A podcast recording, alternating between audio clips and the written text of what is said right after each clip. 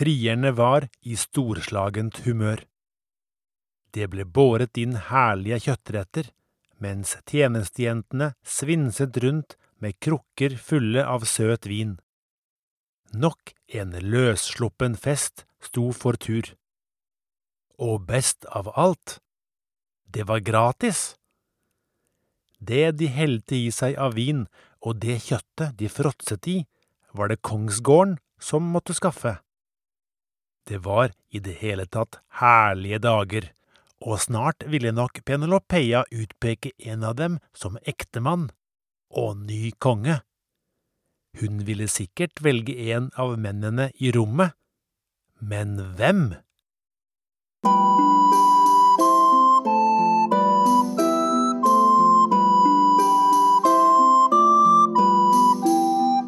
Velkommen til Helter og legender fra antikken, en podkast for unge. Episode 22 Odysseen, del 3 av 3 Da vi forlot Odyssevs i forrige episode, var han i en sørgelig tilstand. Han hadde mistet alle sine skip og hele sitt mannskap, også krigsbyttet fra Troja var gått tapt. I ni dager hadde han klamret seg fast til vrakrester og drevet rundt på havet. Men han berger i det minste livet og skylles opp på en ukjent øy. Øya er et svært spesielt sted. Den heter Ogygia og ligger for seg selv i en avsidesliggende del av havet. Den er hjemstedet til nymfen Kalypso. Nymfer er overnaturlige vesener og kan ofte sidestilles med gudinner. Noen av dem har mye makt og påvirkningskraft, og det gjelder i høyeste grad Kalypso, som også er vakker. Farlig vakker. Når hun finner den forkomne Odyssevs, tar hun meget godt vare på ham. Han pleies og gis mat slik at han får kreftene tilbake. Det viser seg snart at Kalypso får varme følelser for den barkede helten fra trojanerkrigen, veldig varme følelser. Hun har levd uten mannlig selskap i evigheter og nå har hun endelig noen hun kan knytte tette bånd til. Odyssevs er i starten ikke uvillig til noe slikt, og de to tilbringer nettene sammen, tett omslynget i hulen hennes. Ukene går, og uker blir til måneder, og måneder til år. Det er vel og bra å slippe konfrontasjoner med kykloper, trollkvinner, sirener og sjømonstre, men i bunn og grunn er Odyssevs på vei hjem. Han vil vekk fra øya. Men Kalypso tillater ikke at han reiser.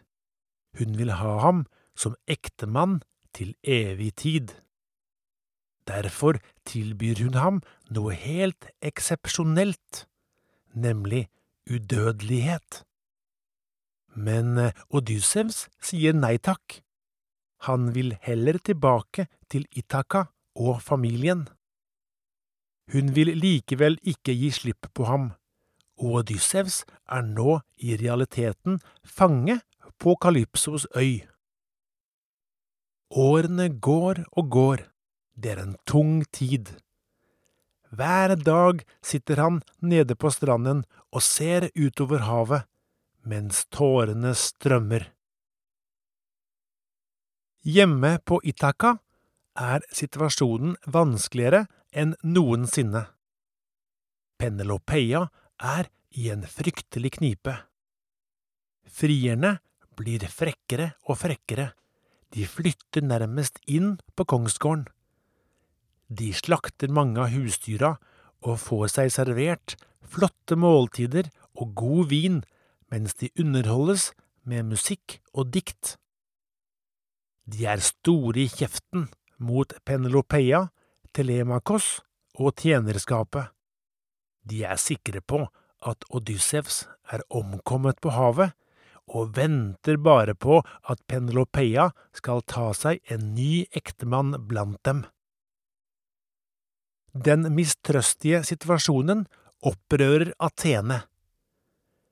Under et møte mellom gudene på Olymposfjellet ber hun innstendig om at Odyssevs må få lov til å vende hjem.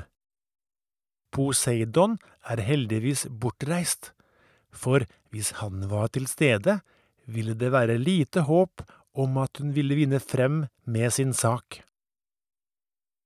Athene er temmelig uredd, for på møtet våger hun å kritisere faren sin, altså Saus, for å være likegyldig og vise liten takknemlighet for den innsatsen og de ofrene som Odyssevs gjorde under trojanerkrigen. Dette ser ut til å ha en viss effekt, for Seus går med på at Odyssevs skal få vende hjem, og at frierne skal jages ut av kongsgården. Straks blir en budbringer sendt av sted til Ogygia for å overbringe beskjeden til Kalypso. Nymfen blir langt fra begeistret over å høre gudenes beslutning. Hun mener de er misunnelige og behandler henne verre enn andre. Men hun forstår at avgjørelsen er endelig, og at hun må gi slipp på sin kjære Odyssevs. Hun oppsøker ham med en gang og forteller at han får lov til å bygge seg en flåte og reise fra øya. Odyssevs øyner nå muligheten for å fullføre hjemreisen, men klok av skade etter mange møter med overnaturlige vesener, får han henne først til å sverge på at hun ikke vil føre ham ut i flere ulykker. Det lover Kalypso. Han setter straks i gang med å bygge en flåte av trestammer som han hogger med kobberøksa si, og etter fire dager er den temmelig skrøpelige farkosten klar til avreise. Syv lange år har Odyssevs tilbrakt på øya, men nå skal han endelig vekk derfra. De første 17 dagene av ferden går alt fint, og den attende dagen får han øye på land i det fjerne. Men så er han maksimalt uheldig, for Poseidon er på vei hjem. Vi husker at han hadde vært bortreist. Og ved en tilfeldighet får han øye på Odyssevs, som kommer pent seilende på flåten sin. Dette har havguden svært lite sans for, han har fortsatt et horn i siden til Odyssevs, og han griper sin tretaggete gaffel og rører sammen bølgene til en voldsom storm. Han sender mektige kaldgufs fra nord og svøper land og hav inn i et tykt skydekke. Igjen er Odyssevs i alvorlige problemer og må kjempe for livet. Flåten kastes hit og dit i det ekstreme uværet. Etter en voldsom kamp mot elementene greier han til slutt å kravle naken opp på land. Utmattet faller han i søvn under en busk. Når han våkner, begynner lykken så smått å smile til ham, for det viser seg at han har kommet til et land med et gjestfritt og vennligsinnet folk, fajakerne. Den første han møter, er ingen ringere enn fajakerkongens datter. Hun blir overrasket over å komme over en fremmed skipbrudden mann nede ved kysten men hun er vennlig og forstår at han trenger hjelp. Så hun gir ham både mat og tilbyr ham skyss inn til byen. Odyssevs finner veien til kongens palass, som er storslagent og vakkert utsmykket. Det har til og med en dør laget av gull. Utenfor borggården ser han jorder og hager med pærer, epler, fikener og oliven. Av alt det han ser rundt seg, forstår han at fajakerne er et velstående folk med god tilgang på mat og med enestående anlegg for finere håndarbeide. Han blir ført fram for kongen, som tar imot den fremmede på respektfullt vis. Kongen er naturlig nok nysgjerrig, og han spør og graver om hvem Odyssevs er, og hvor han kommer fra. I den første samtalen forteller han om sine seneste opplevelser, men han røper ikke navnet sitt. Men så, under en festlig tilstelning en tid senere, midt i en vakker framføring av en sang om trojanerkrigen, begynner Odyssevs tårer å strømme. Han greier ikke å holde på hemmeligheten lenger, og erklærer at han er Odyssevs, kongen av Itaka som kjempet i trojanerkrigen og ennå ikke er kommet hjem. Han forteller om den lange ferden over havet og alle farene og ulykkene han har gjennomgått. Det er en lang historie, men fajakerne sitter som fjetret og er ikke i tvil om at Odyssevs er den han gir seg ut for å være. Så beveget og vennlige er de at de lover å hjelpe ham med seilasen hjem til Itaka. Og ikke bare det. Som kompensasjon for alt han har mistet, forærer de ham flotte klær, gullsmykker og svære kobberkjeler, slik at han ikke skal vende hjem på noe mindre staselig vis enn hvis han hadde beholdt alt krigsbyttet fra Troja. Overfarten til Itaka blir behagelig. Han går om bord på et av fajakernes skip, hvor en egen soveplass er gjort i stand til ham. Ganske snart er han i dyp søvn og han sover søtt under hele seilasen. Det gjør han også når de ankommer hans hjemland, og han merker ikke engang at det bærer ham i land og legger han forsiktig på sanden, med verdisakene trygt plassert i nærheten. Odyssevs er endelig tilbake. Når han våkner, kjenner han seg først ikke igjen men den følelsen går snart over. Og nå er tiden kommet for å få overblikk over situasjonen. Nesten 20 år er gått. Mye rart kan ha skjedd. Ja, hvordan står det egentlig til i kongeriket hans? Athene, som alltid følger med på Odyssevs skjebne, stiger ned til ham og forteller om tingenes sørgelige tilstand. Hun forteller om Penelopeia, som sorgfull venter på sin mann, mens hun bare så vidt holder stand mot de stadig mer grådige og innpåslitne frierne. Og hun forteller om Telemakos, som har blitt en høyreist og kjekk ung mann, men at han har reist fra øya for å spørre nytt om sin far. Odyssevs kjenner raseriet vokse i seg. Han er fast bestemt på å gjenopprette sin posisjon som konge og gjøre ende på alle som har plaget familien hans. Sammen med Athene legger han en listig plan. Den går ut på at Odyssevs forvandles til en gammel og skrøpelig tigger. På den måten er det ingen som vil kjenne ham igjen, og han vil kunne komme seg inn i kongsgårdens indre gemakker, hvor frierne fester og fråtser.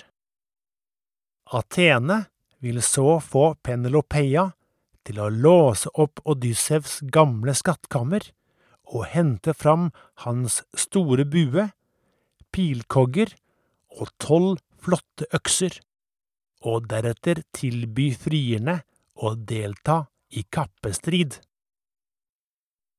Første del av planen gjennomføres akkurat slik de har tenkt.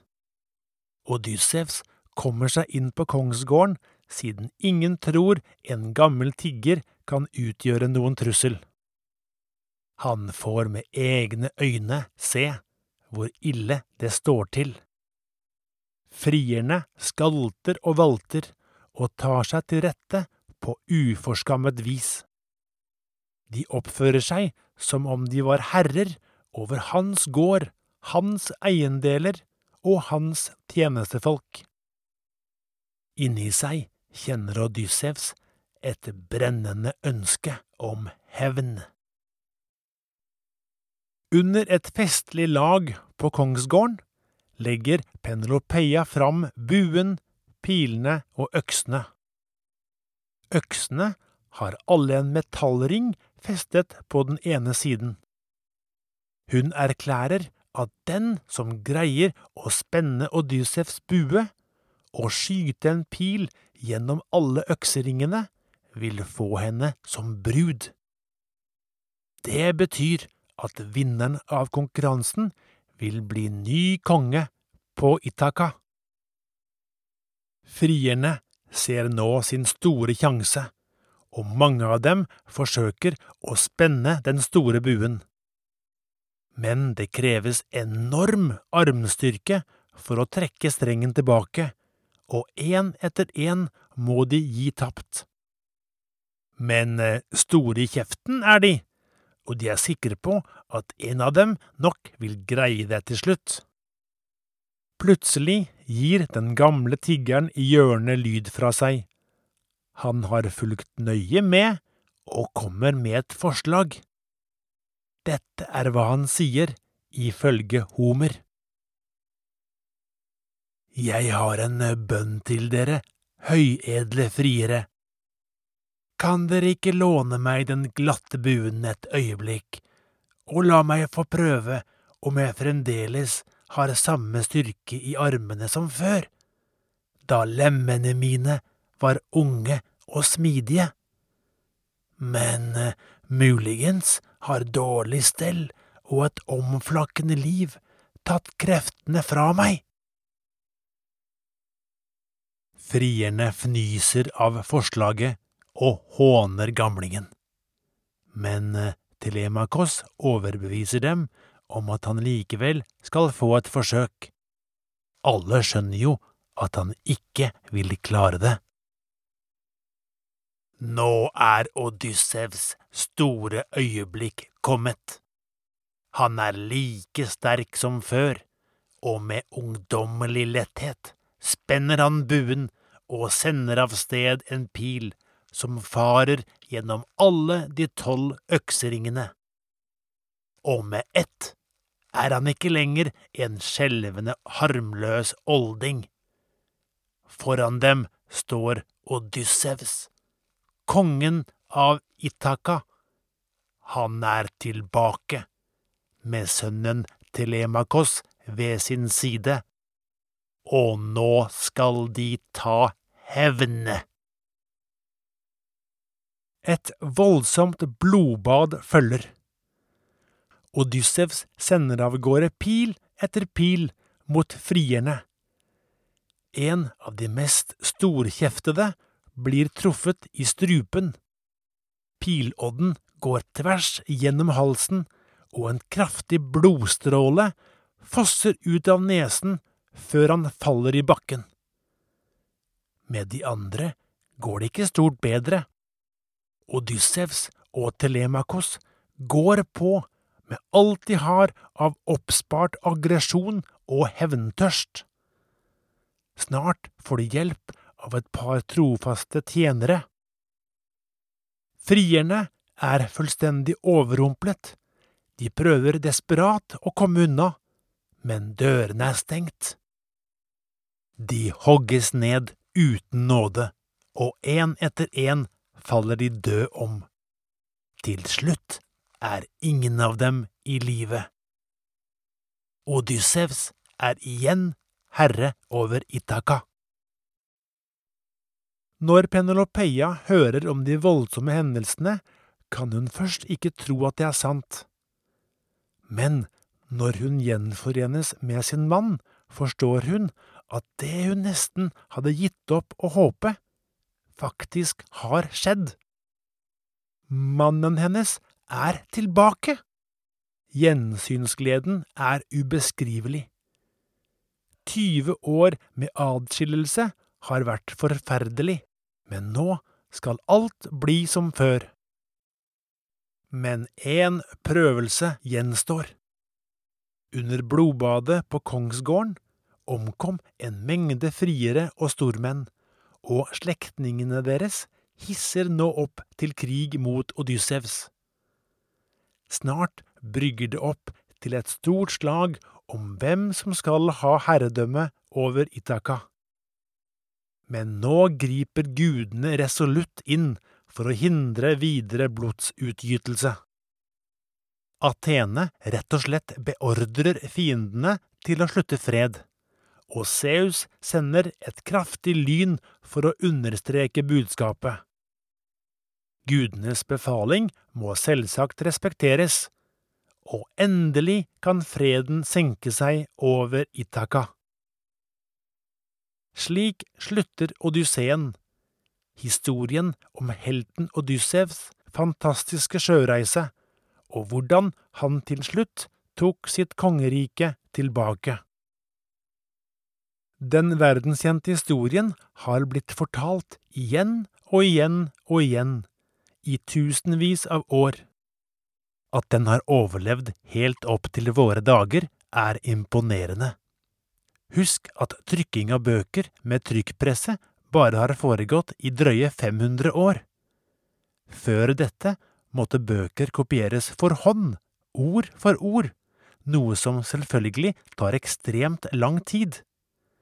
Men gjennom ca 2200 år var dette den eneste metoden for å bevare historien om Odysseen, slik at den ikke gikk tapt. Det at folk faktisk gjorde dette tidkrevende arbeidet gjennom så mange år, er et tydelig bevis på at vi står overfor en veldig bevaringsverdig historie. Odysseen er gammel, men i neste episode drar vi enda lenger tilbake i legendehistorisk forstand. Vi skal høre om halvguden Persevs og hans møte med uhyret Medusa. Jeg heter Bjørnar Dahl Hotvedt, og det er jeg som har gleden av å lage denne podkasten. Ha det godt!